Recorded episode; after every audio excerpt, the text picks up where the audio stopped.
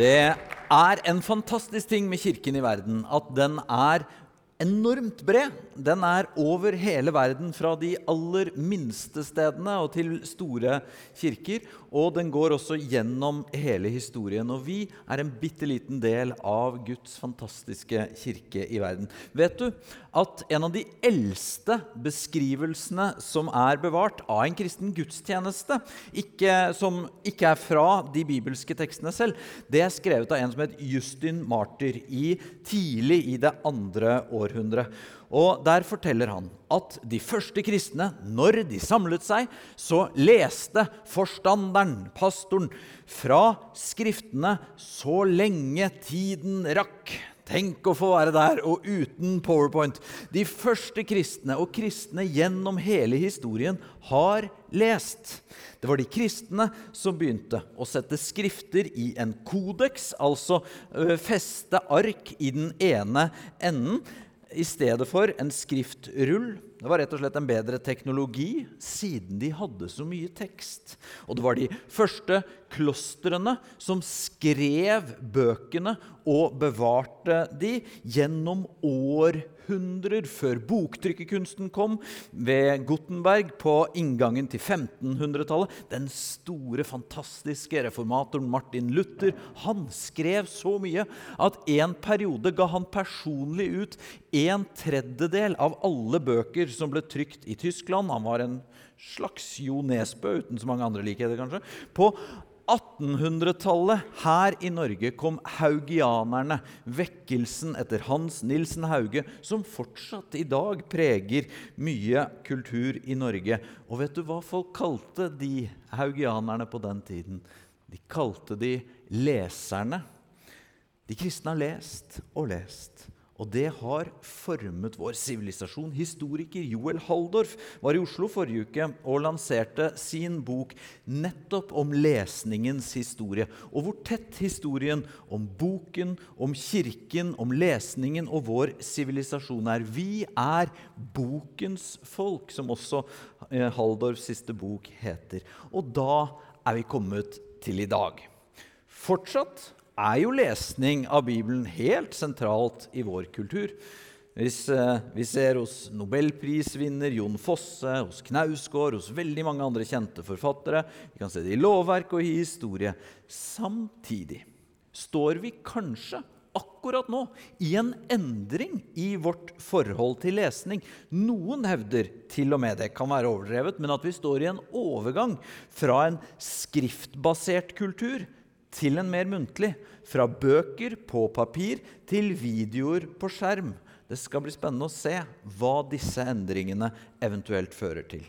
Med det som bakteppe passer det perfekt at vi i dag som kirke begynner en helt ny gudstjenesteserie, der vi altså leser en bok sammen, nemlig evangeliet etter Matteus. Ingen bøker utgitt dette tiåret eller hundreåret vil ha nubbekjangs til å prege verden så mye som Bibelen har gjort generelt. Og helt i sentrum av Bibelen har vi de fire første bøkene i Det nye testamentet som forteller om livet og ordene til Jesus. Og den første av disse fire, det er altså Matteus. Det vi inviterer til de neste ukene, det er at vi igjen kan være lesere. På søndagene så kommer vi til å se på noen bruddstykker av tekstene. Men vi kommer langt ifra til å kunne dekke alt i tiden frem mot påsken. Da måtte denne gudstjenesteserien vart til påsken 2029 eller noe sånt. Men det er fantastisk lesning. Både fordi vi allerede vet at disse tekstene som vi ser på nå, de har hatt kraft til å skape, forme millioner av menneskeliv i tillegg til språk, kulturer, verdier, men også fordi vi selv forandres i møte med disse evige ordene.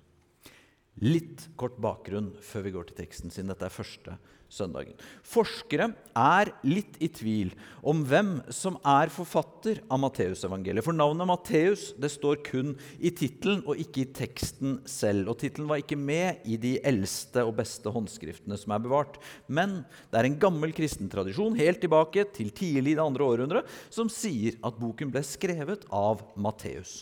Og du som har svart belte i søndagsskole eller kommer fra et sted hvor det ikke var noe annet å gjøre enn sånt, så du vet kanskje at Matteus han dukker opp i kapittel 9 i Matteus, nemlig som tolleren Matteus, som Jesus inviterte der han satt og var verdens største sell-out, utnyttet landsmennene sine til inntekt for okkupasjonsmakten i landet.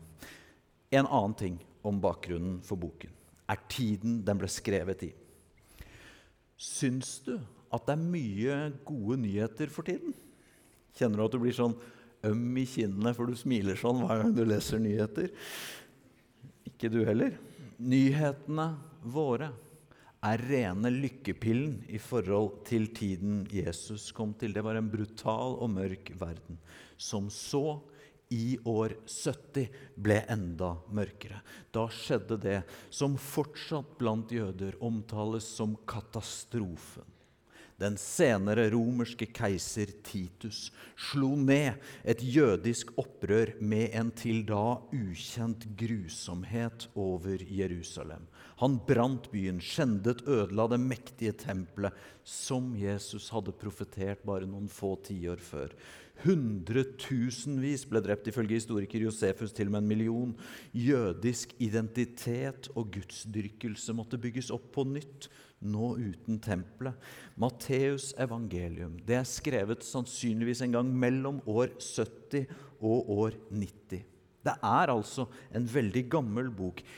Ikke fullt så gammel som Paulus sine brev i Det nye testamentet og Markusevangeliet og øyenvitneskildringene som alle evangeliene bygger på. Fordi dette kom altså til i en kultur med sterk vekt på at man gjenga riktig muntlige overleveringer. Og øyenvitnene som hadde sett det, levde fortsatt mens evangeliene ble skrevet.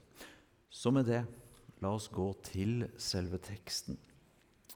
På julaften hjemme så pleier vi å sette på midnattsmessen fra Peterskirken. Så når alle er mette og trøtte og trenger å se gamle folk i hatter snakke latin Nei da. Det er veldig flott. Og et av høydepunktene, syns jeg, er når de leser bibeltekstene. Da er det pomp og prakt og lesning fra Det gamle testamentet, fra brevene i Det nye testamentet. Men så, når det skal leses fra evangeliene, altså de fire bøkene om Jesu liv, da er det røkelse og gull og sang, og alle står. Og det er virkelig ærefrykt. For tenk at disse ordene er bevart om og av Jesus selv. For en gave det er! Og du skal få sitte nå, og vi har ikke gull og røkelse her, men vi har takknemlighet over å få lese. Dette er ettertavlen til Jesus Kristus, Davids sønn og Abrahams sønn. Tidligere fotballspiller Rune Bratseth og programleder på TVL, for deg som ser dette der, han har sagt at han har observert at menn går gjennom tre faser i livet. Først er de interessert i damer. Så går det etter hvert mer over mot vedhogst, før den siste fasen, når du begynner å interessere deg for slektsforskning. Du får plassere deg selv eller folk du kjenner, i en av de tre. Men vi kan si at første århundrets jødiske kultur, så var alle, i hvert fall i fase tre, slektshistorie var viktig, for den sa så mye om hvem vi var. Hvor plasserer Matteus Jesus her i første setning? David og Abraham. Han kunne ikke gått høyere ut enn det. Abraham var jo nomaden i ørkenen som fikk høre løftet fra Gud. Herren sa til Abraham, dra bort fra landet ditt, fra slekten din og fra farshuset ditt til det landet jeg skal vise deg. Jeg vil gjøre deg til et stort folk. Jeg vil velsigne deg og gjøre navnet ditt stort. Du skal bli til velsignelse. Og så kommer de nesten ufattelige ordene. Både da de ble sagt til en nomade i ørkenen for 4000 år siden, men også da de ble sagt til et undertrykket lite folk i Midtøsten for 2000 år siden. I deg skal alle slekter på jorden velsignes. Hør nå. Til alle tider så har alle folk hatt sine guder. Hvert folk hadde sin egen gud. Var du en del av et bestemt folk, så visste alle hvilken gud du tilba. Det ga seg selv. Historiker Tom Hollen har påpekt at det var Jesus var på ett bestemt spørsmål. Om det var rett for jøder, og implisitt også kristne, å betale hodeskatt til den hedenske, helt forferdelige keiser Tiberius i Roma som endret denne situasjonen med at hvert folk bare hadde sin gud. Fordi det å betale denne skatten på den tiden til keiser Tiberius, det ble sett på som at man aksepterte og til og med tilba den selverklærte guden, keiseren i Roma. Jesus svarte så genialt på dette spørsmålet her. Han sa at man måtte kunne gi keiseren hodeskatten, men bare skatten.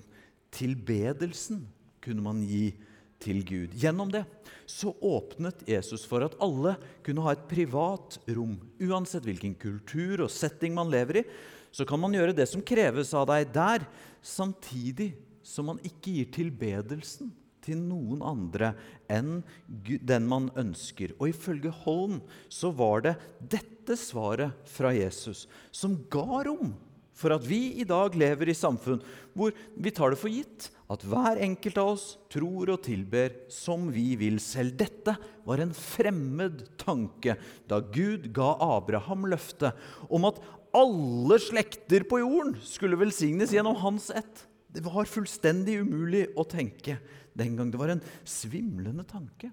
At noen fra Abrahams lille slekt i den varme, tørre ørkenen skulle kunne bli til velsignelse Matteus' første lesere visste godt om løftet til Abraham, uansett hvor fjerne de virket fra å oppfylles. Men han sa ikke bare at Jesus er Abrahams sønn, han sa også den store kong Davids sønn. Og det var ikke en mindre storslått referanse. Abraham, 1000 år etter Abraham, fortsatt 1000 år før Jesus, så hadde David etablert kongeriket som folket hadde drømt om fra Abraham. David, du husker han, underdoggen som for alltid vil stå i historien, i språket, i sangene og minnes. Selv nå i Norge så vet alle hva David mot Goliat betyr. Jerusalem, det var Davids strålende by. Og Matteus' lesere, de visste alle sammen hva Gud hadde lovet David. Det står 'ditt hus og ditt kongedømme' Guds ord til David, skal stå fast til evig tid for mitt ansikt, og din trone skal stå støtt til evig tid. Her var også problemet. For da Matteus skrev, visste alle at dette kongedømmet det var knust for lengst. Davids by var okkupert og ødelagt. Var det fortsatt håp for løftene til David?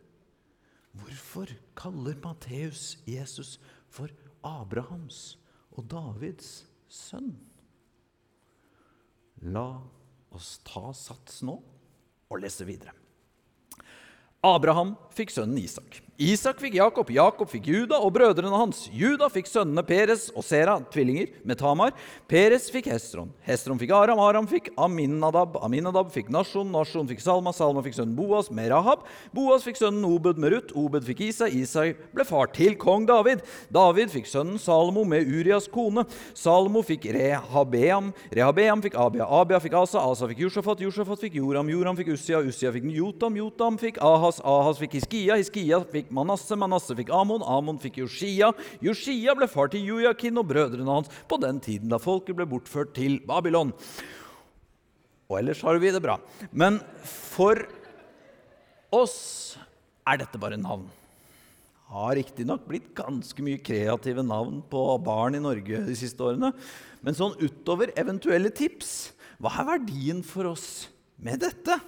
Du som er her for første gang, velkommen. Du som pleier å gå i kirken her, har hørt at når vi leser disse gamle tekstene, så prøver vi å stille oss sammen med de første leserne og spørre hva var det de hørte? Hva var det de stoppet ved? Og for dem så var det opptil flere bomber i det vi leste nå. For dette var ikke en utfyllende liste over alle Jesu forfedre. Det var ikke den funksjonen en ettertavle som dette hadde. Dette var de navnene som Matteus ville fremheve. Og da gjorde han noen kjempefeil her. For helt mot tradisjonen, kanskje gikk det deg litt forbi, så har han tatt med fire damer. Altså, folket hadde på denne tiden definitivt kvinner i historien som alle beundret også opp til. Sara, Abrahams kone, selveste stammoren. Rebekka, som var så klok og sterk at det sikkert er mange Rebekkaer i rommet her nå. Hun var moren til Esau og Jakob, og hun er en så vakker og rørende kjærlighetshistorie om henne i første Mosebok. Disse her, og noen til, de var Israels matriarker. Nasjonens mødre ble de kalt, og alle kjente og beundret de. Men de er ikke med her. Hvem er det Matteus tar med? Her er det Tamar som, hold deg fast, kledde seg ut som en prostituert og ble gravid med sin svigerfar. En historie for en annen dag, i beste fall. Det er Rahab, som var en prostituert som hjalp Josfas speidere tidlig i Israels historie. Det er Ruth, som var moabit, utlending, absolutt ikke akseptert i det gode selskap. Og så står denne merkelige setningen vi leste. David fikk sønnen Salomo med Urias kone. Den store kong David, som vi akkurat snakket om, satt midt i 40-årene, suksessfull nærmet seg vedhuggingsfasen, men var ikke helt der enda. Så da han så nabokona bade naken, tok han henne. Og en detalj som de første leserne til Matteus husket. Ektemannen hennes, Uria, var hetitt, et annet folk. Og det var derfor overveiende sannsynlig at Batseba, som hun het, også var hetitt. Hva er det Matteus forteller oss her? Fire formødre i Jesu historie er alle fra et jødisk perspektiv utlendinger. Det var uhørt. Og det er noe skandaløst i tillegg med alle fire. Matteus skjuler ikke dette.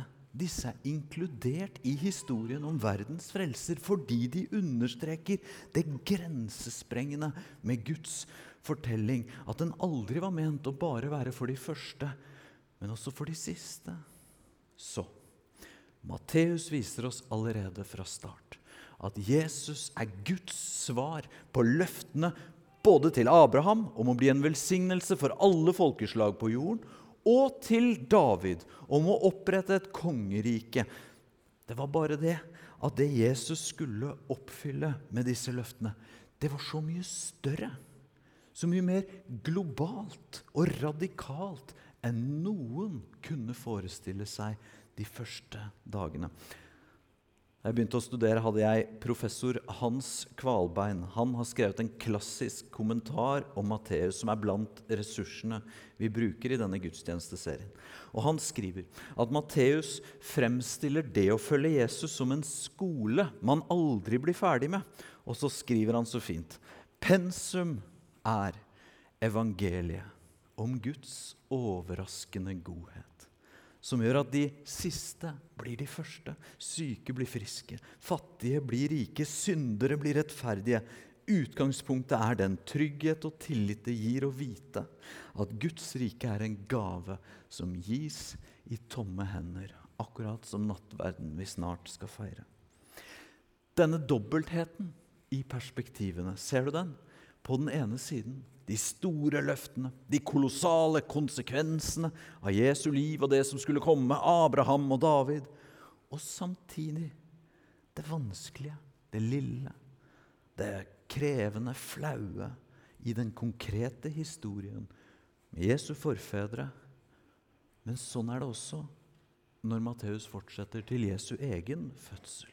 Matteus skriver med Jesu Kristi fødsel gikk det slik til. Hans mor Maria var lovet bort til Josef, men en jødisk trolovelse på denne tiden. Kan sammenlignes med det vi automatisk tenker forlovelse i vår tid, men det er bare delvis. Det skjedde vanligvis før jenta var 15 år.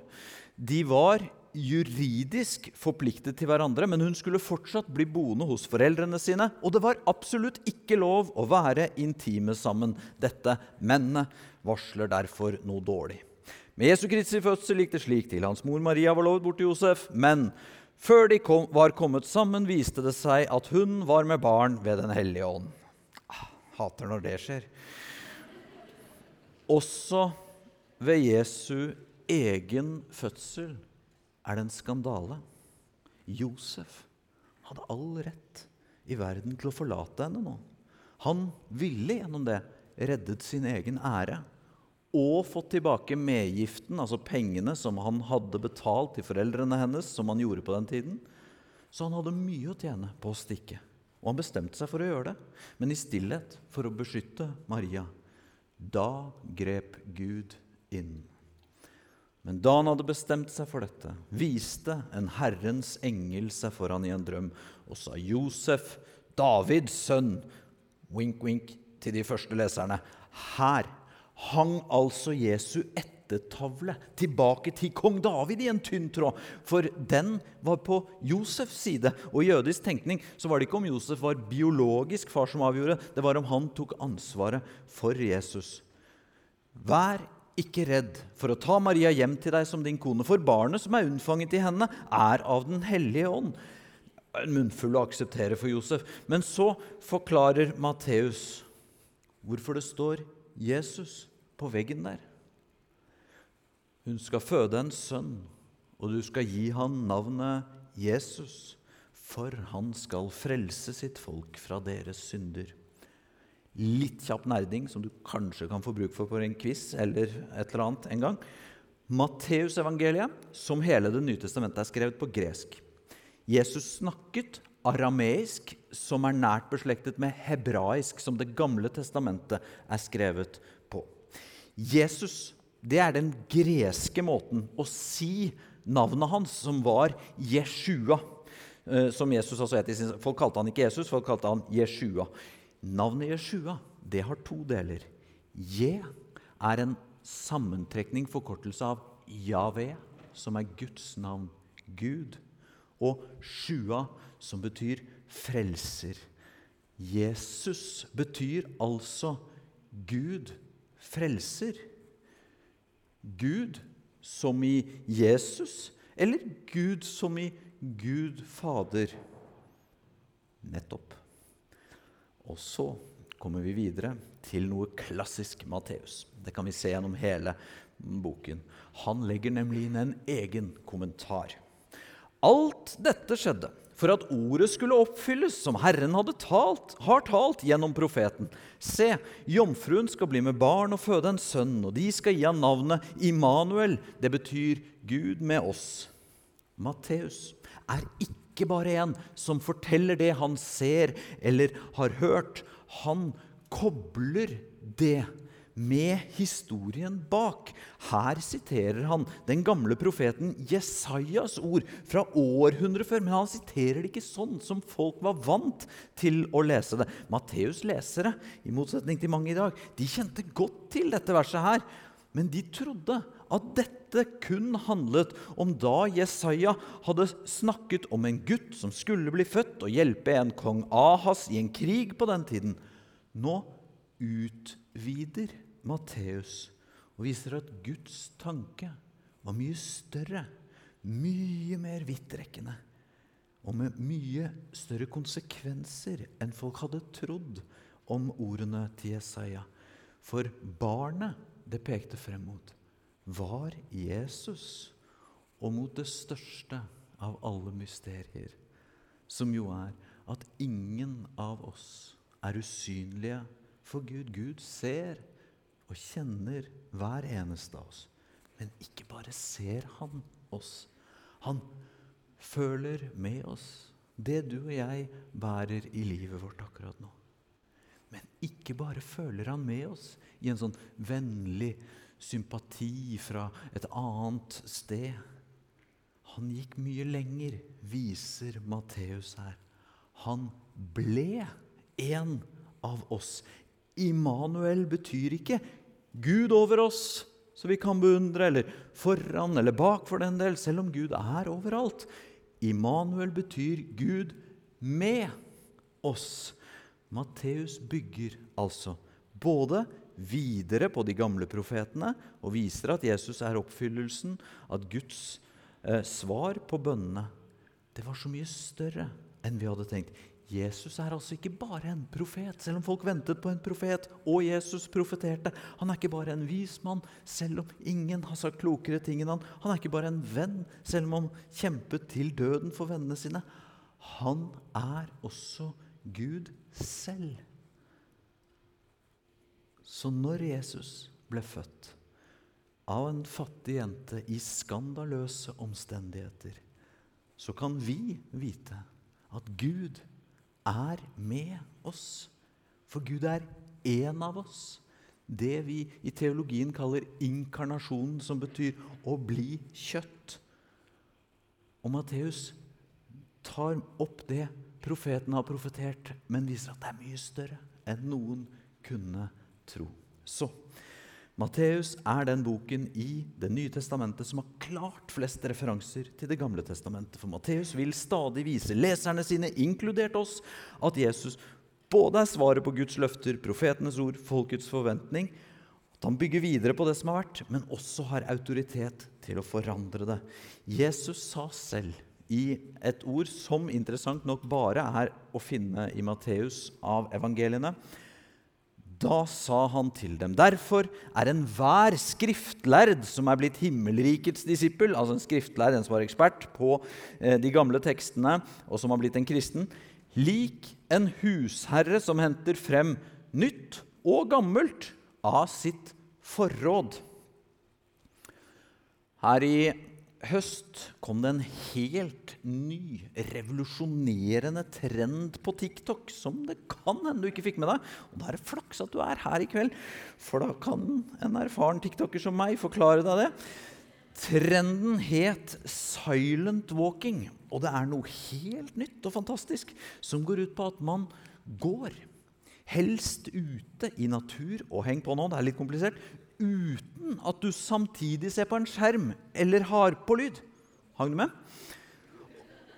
Og når jeg har forklart det her, så er det noen som har sagt at det ringer noen bjeller. Det der har vi hørt om før. Vi kalte det noe annet før. Det het silent walking. Ja, det er gå tur. Og så, I så fall illustrerer vi Jesu poeng om at noe som har vært før, kan ha verdi nå. Nytt og gammelt av sitt forråd. Det gamle testamentet og det nye Matteus var opptatt av dette. Så når vi leser han, så vil vi stadig se at han henviser tilbake til det som for oss heter Det gamle testamentet, men som for Matteus var skriftene, loven og profetene. Gjennom dette vil altså Matteus vise at Jesus er en utvidelse av det folket visste fra før. En ny Moses, men også mye større enn Moses. For deg som ikke husker historien om Moses, lenge siden du har sett den filmen, så kan vi oppsummere den raskt. Moses han var den som ledet folket ut fra Egypt, der de hadde vært i slaveri, gikk gjennom Rødehavet, i ørkenen i 40 år, fikk loven av Gud på fjellet og ga folket en ny en pakt med Gud. Og med den historien i bakhodet, som alle visste, så leste Matteus' første lesere at Jesus Oi! Han kom ut fra Egypt, hvor han ble tatt som flyktning da han var liten. Jesus ble døpt i Jordan. Jesus gikk i ørkenen i 40 dager. Jesus ga loven på fjellet, bergprekenen som vi kommer til i serien. Og Jesus innstiftet en ny pakt i nattverden med Gud. Hver påske så feiret jo folket på Jesu tid at Moses syv århundrer tidligere hadde befridd dem fra slaveriet de hadde vært under i Egypt. Nå viste Matteus at Jesus gjorde det samme. Jesus satte fri fra slaveri, fra et enda større slaveri. Fra slaveriet under døden, som alltid ser ut til å vinne. Når kristne feirer påske, så minnes vi Jesus seier over dødens slaveri. Det er altså både en utvidelse, frihet fra slaveri, men det er også noe helt nytt og mye større enn noen kunne forstå. Moses hadde gitt undervisning om hvordan man skulle leve livet sitt. På Jesu tid kalte man det loven. Og Guds pakt eller avtale med folket gjennom Moses det var at de skulle få være et annerledes folk som levde etter Guds vilje.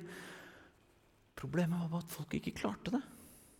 Menneskehjertet er for hardt, og vi klarer ikke engang å leve etter den standarden vi setter opp for andre folk. Når du sitter rundt middagen og snakker om folk som er tullinger og dumme der og der, som man kan gjøre, eh, og så lever vi ikke selv opp til det vi klager på at andre ikke gjør. Langt mindre lever vi opp til Guds standard.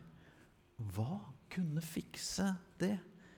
Jesus sa, tro ikke at jeg er kommet for å oppheve loven eller profetene. Jeg er ikke kommet for å oppheve, men for å oppfylle loven. Den var god, den. Det var bare at ingen klarte å følge den. Og konsekvensene var så store. Overalt, hele tiden. Det ser vi fortsatt. Da gikk Jesus selv inn og fullførte loven. Som den første så var det ingenting å anklage han for. Likevel tok han alle syndens og dødens konsekvenser på seg. Han oppfylte loven. Det vi ikke klarte, det gjorde han. Og Derfor kunne han gi oss en ny pakt, en ny avtale. For alle oss som er utlendinger, skandaløse, svake. Vi kan være håpefulle og redde. Matteus evangelium. Det er en fantastisk bok som vi de neste ukene inviterer hverandre til å lese sammen for å se denne utvidelsen, denne nye pakten som Jesus ga. Matteus begynner med å koble sammen Guds løfter til Abraham og David. Jesus skulle bli oppfyllelsen av løftet om en velsignelse for alle slekter på jorden, at ingen er glemt eller utelatt. Og om et helt nytt kongerike, annerledes enn alle andre kongeriker, og annerledes enn Davids kongerike. Og hvordan det blir, det kommer vi til neste søndag. Men for nå så kan vi ta med oss at Jesus han utvidet og sprengte forventningene og grensene for hvordan Guds fortelling kunne være. Og han fortsetter å gjøre den historien helt ny. Han kom, han ble Immanuel, Gud med oss. Skal vi be?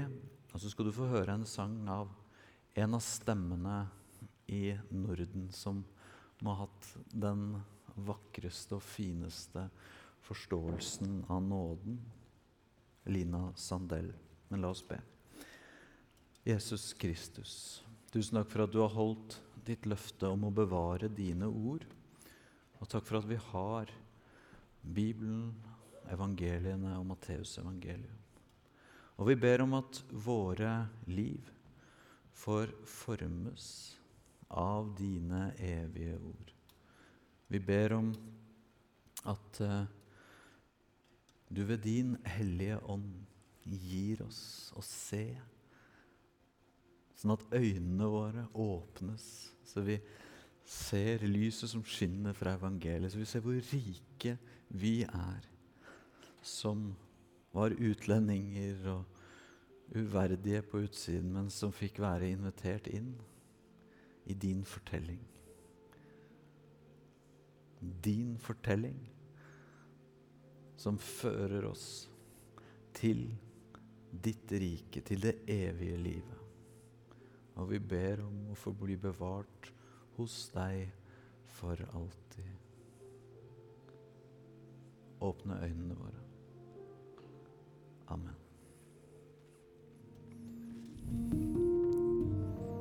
Du har nå hørt en podkast fra Filadelfia-kirken i Oslo. Vil du vite mer om oss, gå inn på filadelfia.no. Og ikke minst velkommen til å feire gudstjenester med oss hver eneste søndag, enten fysisk eller online.